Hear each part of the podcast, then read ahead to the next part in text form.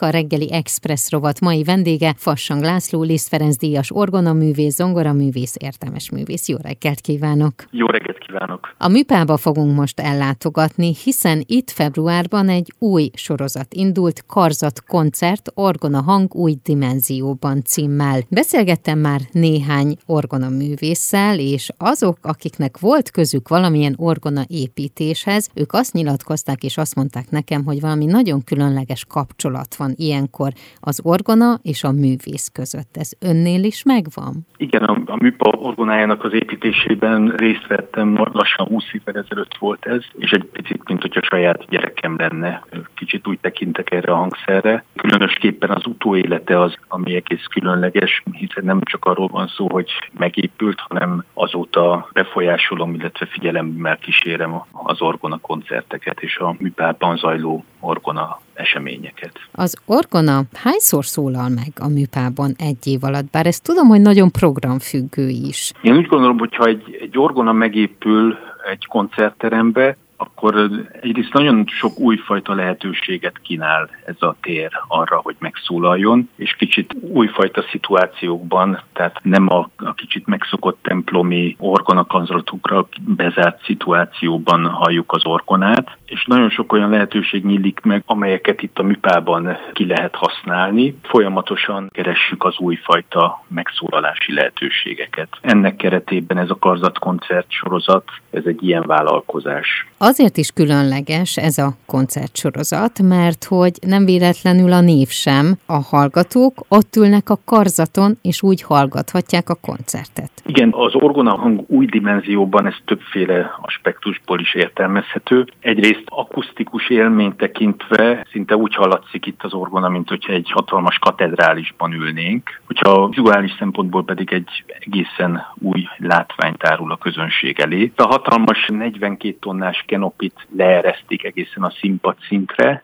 és ennek köszönhetően a jól ismert koncertterem teljesen új arcát mutatja. De ezen túlmenően még vannak további új aspektusok, nem csak az orgona hang és a látvány kerül új dimenzióba, hanem maga az orgona koncert is, hiszen ezeknél a koncerteknél nem hangzik el az a bemondás, hogy kapcsolják ki a mobiltelefonjaikat, fényképezni, videófelvételt készíteni tilos, hanem ehelyett arra kérjük a közönséget, hogy kapcsoljon repülőüzemmódba, és a koncerteknek a végén pedig kifejezetten lehetőség van arra, hogy mindenki a mobiltelefonja segítségével nem csak hazavigye ezt az élményt, hanem tovább is adja. Az első koncert ugye februárban volt, és itt az első művész az ön volt, aki megszólaltatta ennek a koncertsorozatnak keretén belül ezt a hangszert. Milyen fogadtatás volt? Én úgy éltem meg, hogy egy nagyon jó élményt szerzett a közönség, meg én is, ott az Orgonánál. Tulajdonképpen, amikor játszunk a műpába, és a színpadon vagyunk,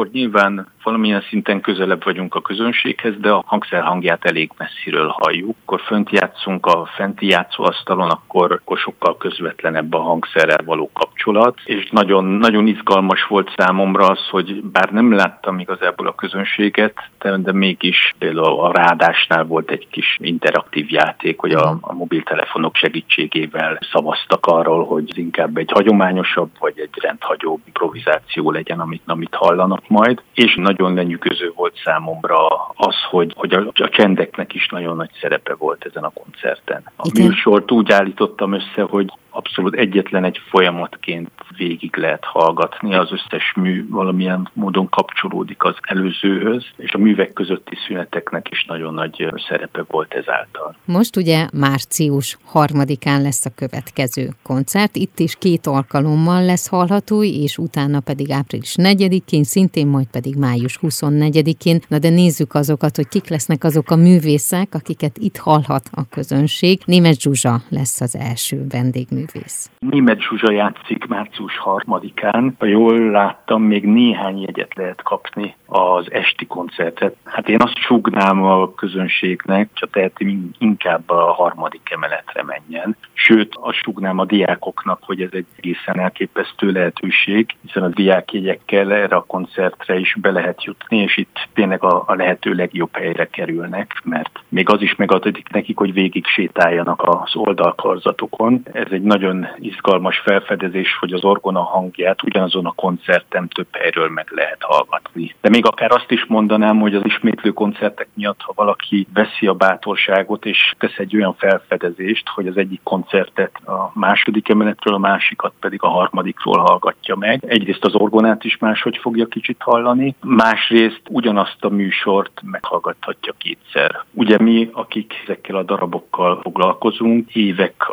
vagy akár évtizedek munkája van abba, hogy megismerjük. Rengeteg időt eltöltünk velük. A közönség meg ezzel szemben mindig valamilyen szinten hátrányban van, ő neki általában egy lehetősége van, hogy meghallgasson egy koncerten egy darabot. Itt akár azt is meg lehet valósítani, hogy, hogy ugyanazt a darabot, illetve ugyanazt a műsort kétszer egymás után valaki végighallgassa. Uh-huh. Egy picit tekintsünk előre, hogy ki lesz április 4-én, illetve május 24-én. Igen, Zsilka Alan, illetve Mekis Péter játszanak. A műsor az úgy alakult ki, azzal a kéréssel fordultam a kollégákhoz, egy lakatlan szigetre költöző barátjuknak készítsenek el 50 perces orkon zenét. Azokat a darabokat halljuk, amelyek az előadók számára nagyon-nagyon fontosak, és nyilván abból a merítésből jön, amelyben mi, akik ugye ezt a szakmát üzzük, évtizedek során rengeteg művet megismertünk, és ebből jön egy egyfajta, egyfajta best of, de ez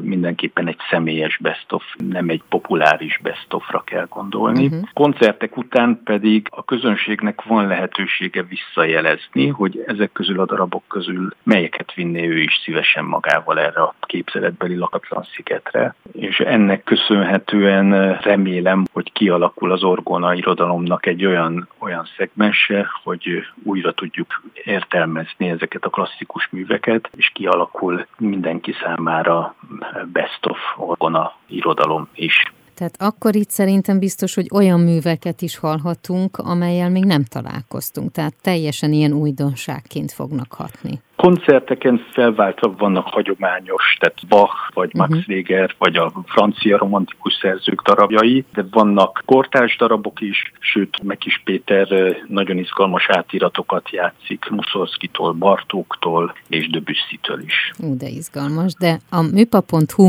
weboldalon ezeket megtalálják, hogyha a karzat koncertre rákeresnek, hol látható és hallható legközelebb, mondjuk a budapesti közönségnek. Május 15-én fog a Zeneakadémia nagy termében játszani, ami egy, egy nagyon örömteli visszatérés erre a helyszínre. Hogyha követjük az elmúlt évtizedek budapesti orgona életét, akkor azt látjuk, hogy nagyon szépen gazdagodik az orgona paletta, és különböző stílusokat képviselő hangszerek épülnek. Így, hogyha a műpa egy, egy modern koncerttermi orgona, a Zeneakadémia ezzel szemben egy hagyományosabb 19.-20. század fordulóját visszaidéző orgona hangot hallhatunk a Zeneakadémián. Amit én még láttam, az azt, hogy a Modern Art Orkestrával is lesz egy közös koncert a BMC koncerttermében március 30-án. Így van, nagy szombaton Liszt Via Crucis művének átdolgozását fogjuk játszani, ott Hemond Orgonán uh-huh. fogok játszani. Én kívánom, hogy mindegyik koncert teltház előtt zajlódjon. Köszönöm szépen.